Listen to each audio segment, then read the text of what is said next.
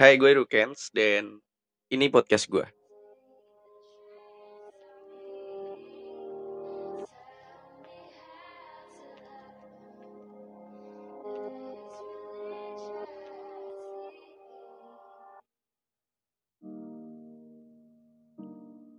BTS Bedtime Story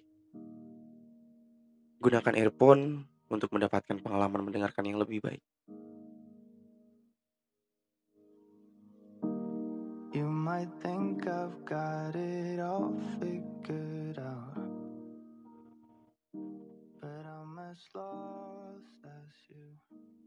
Halo semuanya. Masih sama gue Rukens di sini. Kali ini bukan cinta ataupun drama bicara. Yang ingin gue sampaikan kepada kalian semua malam ini adalah kali pertama kependakian gue. Ya, perjalanan pertama gue saat mendaki. Pengalaman pertama gue waktu mendaki.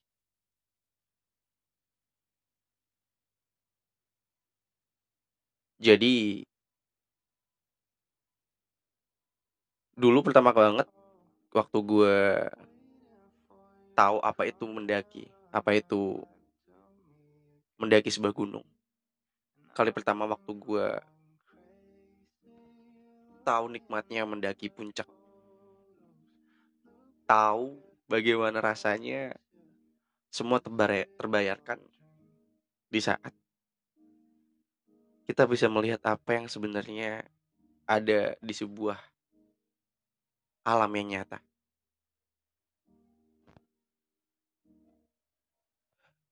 Jadi pada tahun 2015 pada bulan Februari gue diajak sama teman gue buat mendaki sebuah gunung yang nggak terlalu tinggi. Sekitar ya 806 mdpl kalau nggak salah. Itu adalah sebuah gunung yang bernama Argopuro. Di daerah Jawa Tengah Lasem tepatnya. Nah jadi waktu itu eh gue sama teman gue sebut saja Dika dan dua teman gue lagi sebut saja Kiki dan Maya. Kita mendaki sebuah gunung. Alibi-alibi sebenarnya teman gua diajak sama anak-anak sama teman-temannya dia sekolah. Sebanyak 25 orang kalau nggak salah. Jadi teman gue diajak gitu kan. Nah teman gue ini ngajak gua sama teman-teman gua dan alhasil di hari H gua sama sama si Dika sama si Kiki udah siap. Tapi si Maya masih sibuk dengan ya tau lah wanita gitu kan. Dia sibuk eh, ke sana ke sini gitu kan untuk mempersiapkan diri gitu. dan alhasil kita ditinggal sama rombongan yang ngajak teman gua kita ditinggal. Start kita seharusnya jam 3 kita jadi berangkat jam sekitaran jam empat setengah lima kalau nggak salah. Kita berangkat. Kita pakai motor waktu itu. Kita sampai di base camp. Sampai di base camp atau tempat penitipan motor. Nah di situ nggak ada estimasi. Nggak ada penyerahan KTP dan lain-lain karena ya dibil masih dibilang eh, pegunungan lah. Tapi jangan salah. Trek di situ aduh kalau sama sekarang ya 11 12 sama penanggungan. Treknya 11 12 sama penanggungan. Dan kita sampai di situ tuh jam sekitar jam 5 hampir setengah 6 guys. Kita naik. Depan kita ada rombongan cowok-cowok. Kita naik kita naik kita naik. Tiba-tiba mereka menghilang.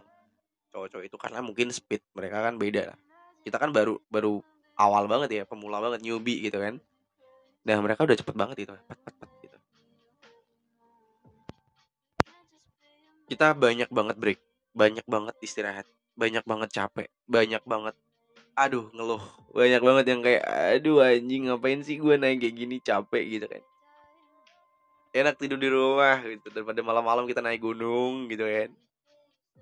Itu waktu itu. Awal gue naik gunung. Semua aduh semua umpatan muncul guys. Semua kata-kata capek ngapain sih balik dah. Egois banget. Kalau lu tahu nggak kayak sekarang. Udah tahu dum. Udah tahu tenda buat naik gunung. Udah tahu perlengkapan naik gunung apa aja. Kalau dulu kalian tahu nggak sih eh, tenda pramuka yang besar gitu kan? Yang harus pakai tongkat.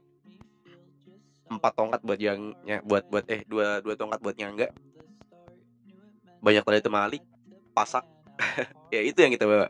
Dan nggak kepake. Jadi kita sampai di pos satu. Waktu itu belum ada penjelasan di situ bahwa itu pos satu. Cuma ya gue bilang aja itu pos satu karena tempat itu tempat kita bisa istirahat landai dan gelap. Ya emang kita break waktu itu. Kita break kita break kita break sambil ya banyak umpat terus kita lihat jalur jalur setelah itu jalur ke depannya gitu kan penuh dengan gelap banget sumpah kayak aduh naik gak ya naik gak ya? Kayak gitu loh. Tau gak sih? Akhirnya alibi alibi gue sama Dika pergi dari tempat kita kumpul. Ya cuma buat ngobrol sih. Tapi alibinya kita mau survei lokasi dulu gitu kan. Udah. Kita coba survei survei kita kita ngobrol-ngobrol sama Dika gitu. Gimana Dik? Gitu kan. Kita lanjut atau balik nih? Gitu kan. Udah jam segini juga gitu. Nah. Kita udah kayak bingung-bingung si Dika bilang kita lanjut. Gue mikir eh buset nih anak kita lanjut anjing. Depan gila banget loh gitu kan. Iya gak sih? Kita posisi kita masih yang kayak awal banget kita nggak pernah sampai ke kayak gitu gitu kan. Ngalamin kayak gitu di hutan bener-bener di hutan gitu kan. Kita nggak tahu loh depan kita itu ada apa. Nggak tahu kita ada ular ada apa apa enggak kita nggak kita nggak tahu loh.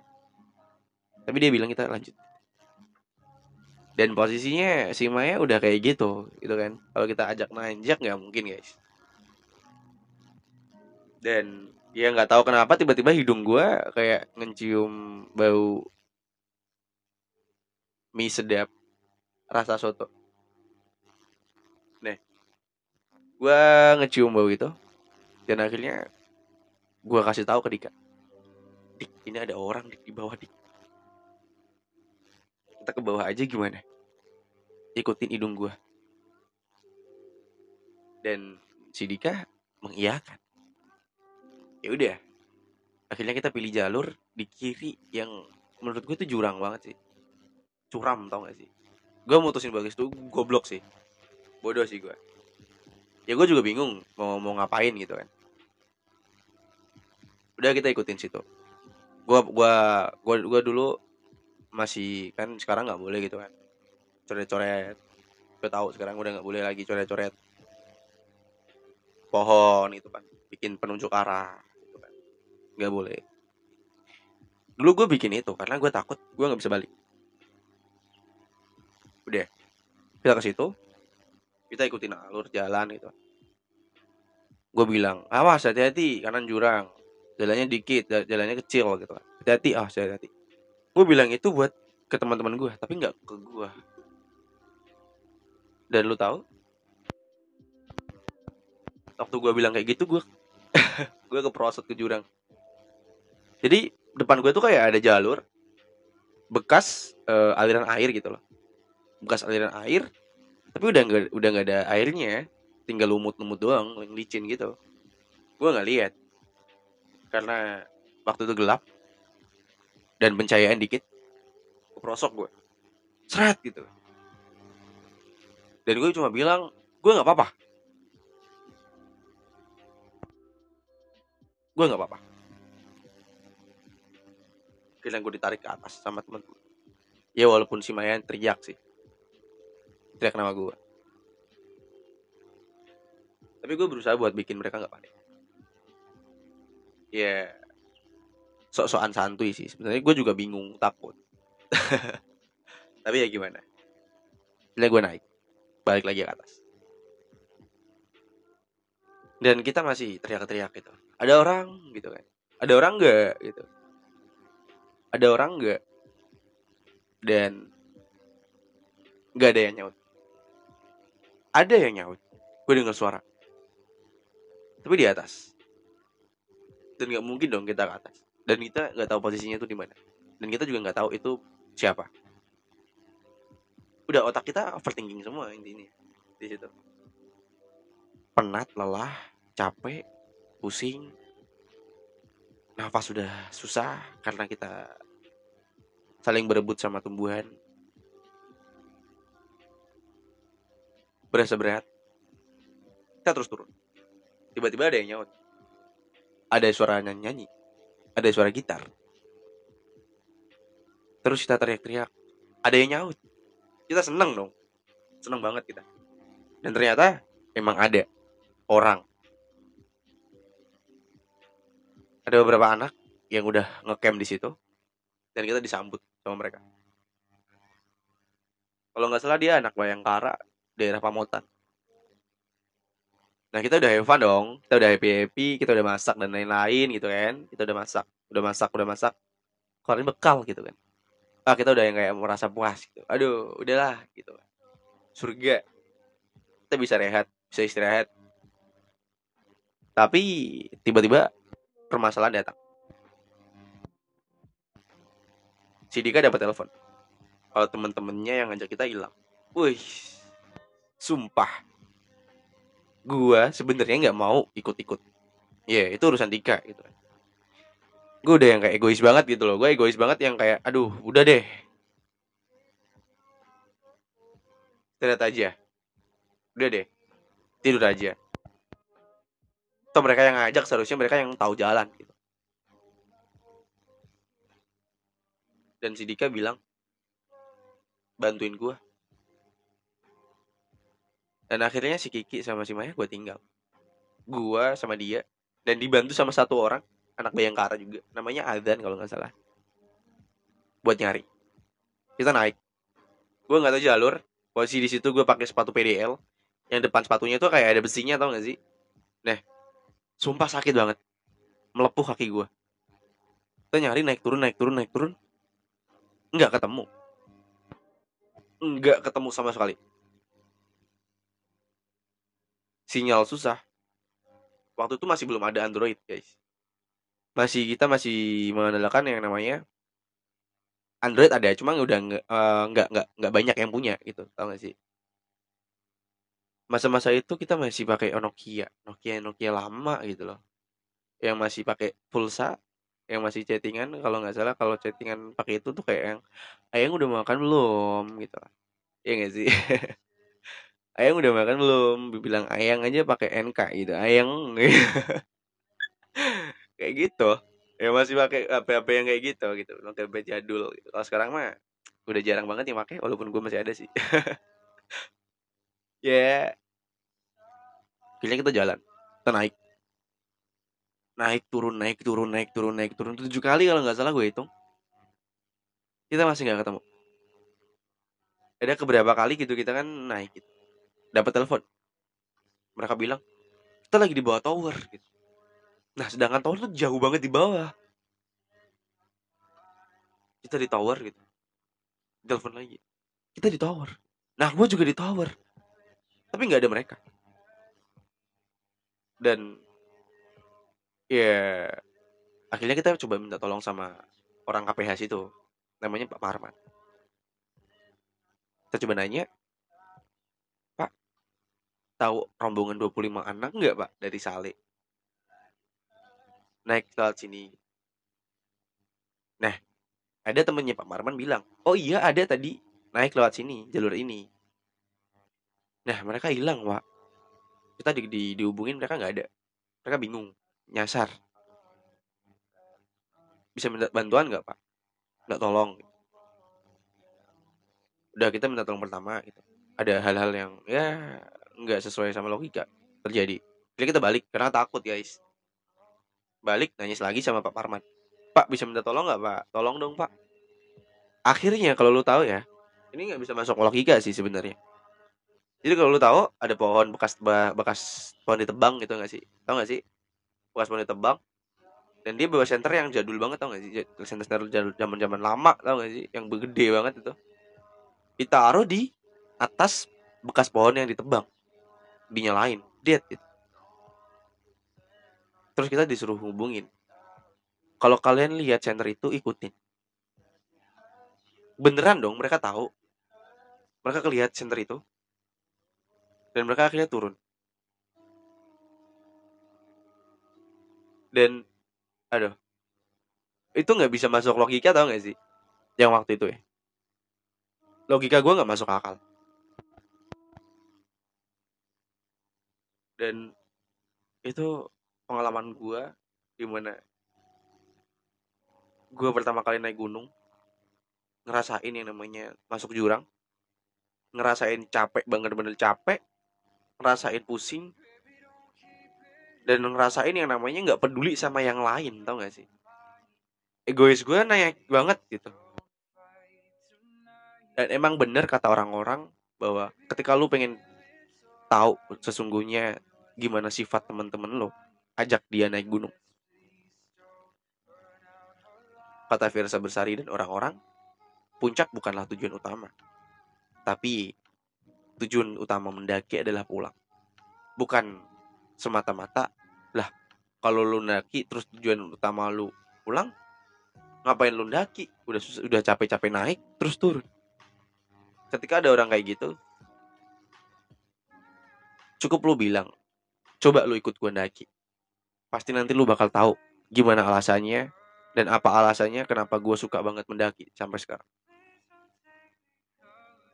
karena nggak nggak bisa diungkapkan dengan kata-kata karena itu adalah sesuatu yang cukup lu lihat, lu rasain, dan itu jawabannya. Kalau lu jelasin, nggak bakal bisa.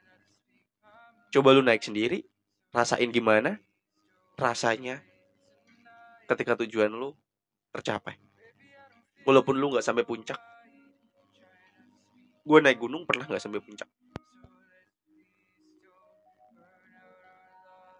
Dan gue nggak ngerasa kayak aduh gue nggak sampai puncak nih. Enggak gue menikmati itu. Menikmati proses kita capek proses kita saling marah proses di mana kita saling egois proses kita kembali satu proses gimana kita saling gotong royong bahu membahu buat buat kelangsungan kita sampai pulang dengan selamat dan menurut gue mendaki gunung adalah suatu hal yang membuatmu belajar. Apa itu proses? Bagaimana itu disiplin? Dan bagaimana cara lu untuk bertahan hidup? Kalau lu mau tahu gimana rasanya mendaki gunung dan enaknya di, di atas gunung, mendakilah. Oke, sekian dari gua Rukens di sini. Uh, kita bakal ketemu lagi di next podcast gua dengan cerita-cerita yang lain.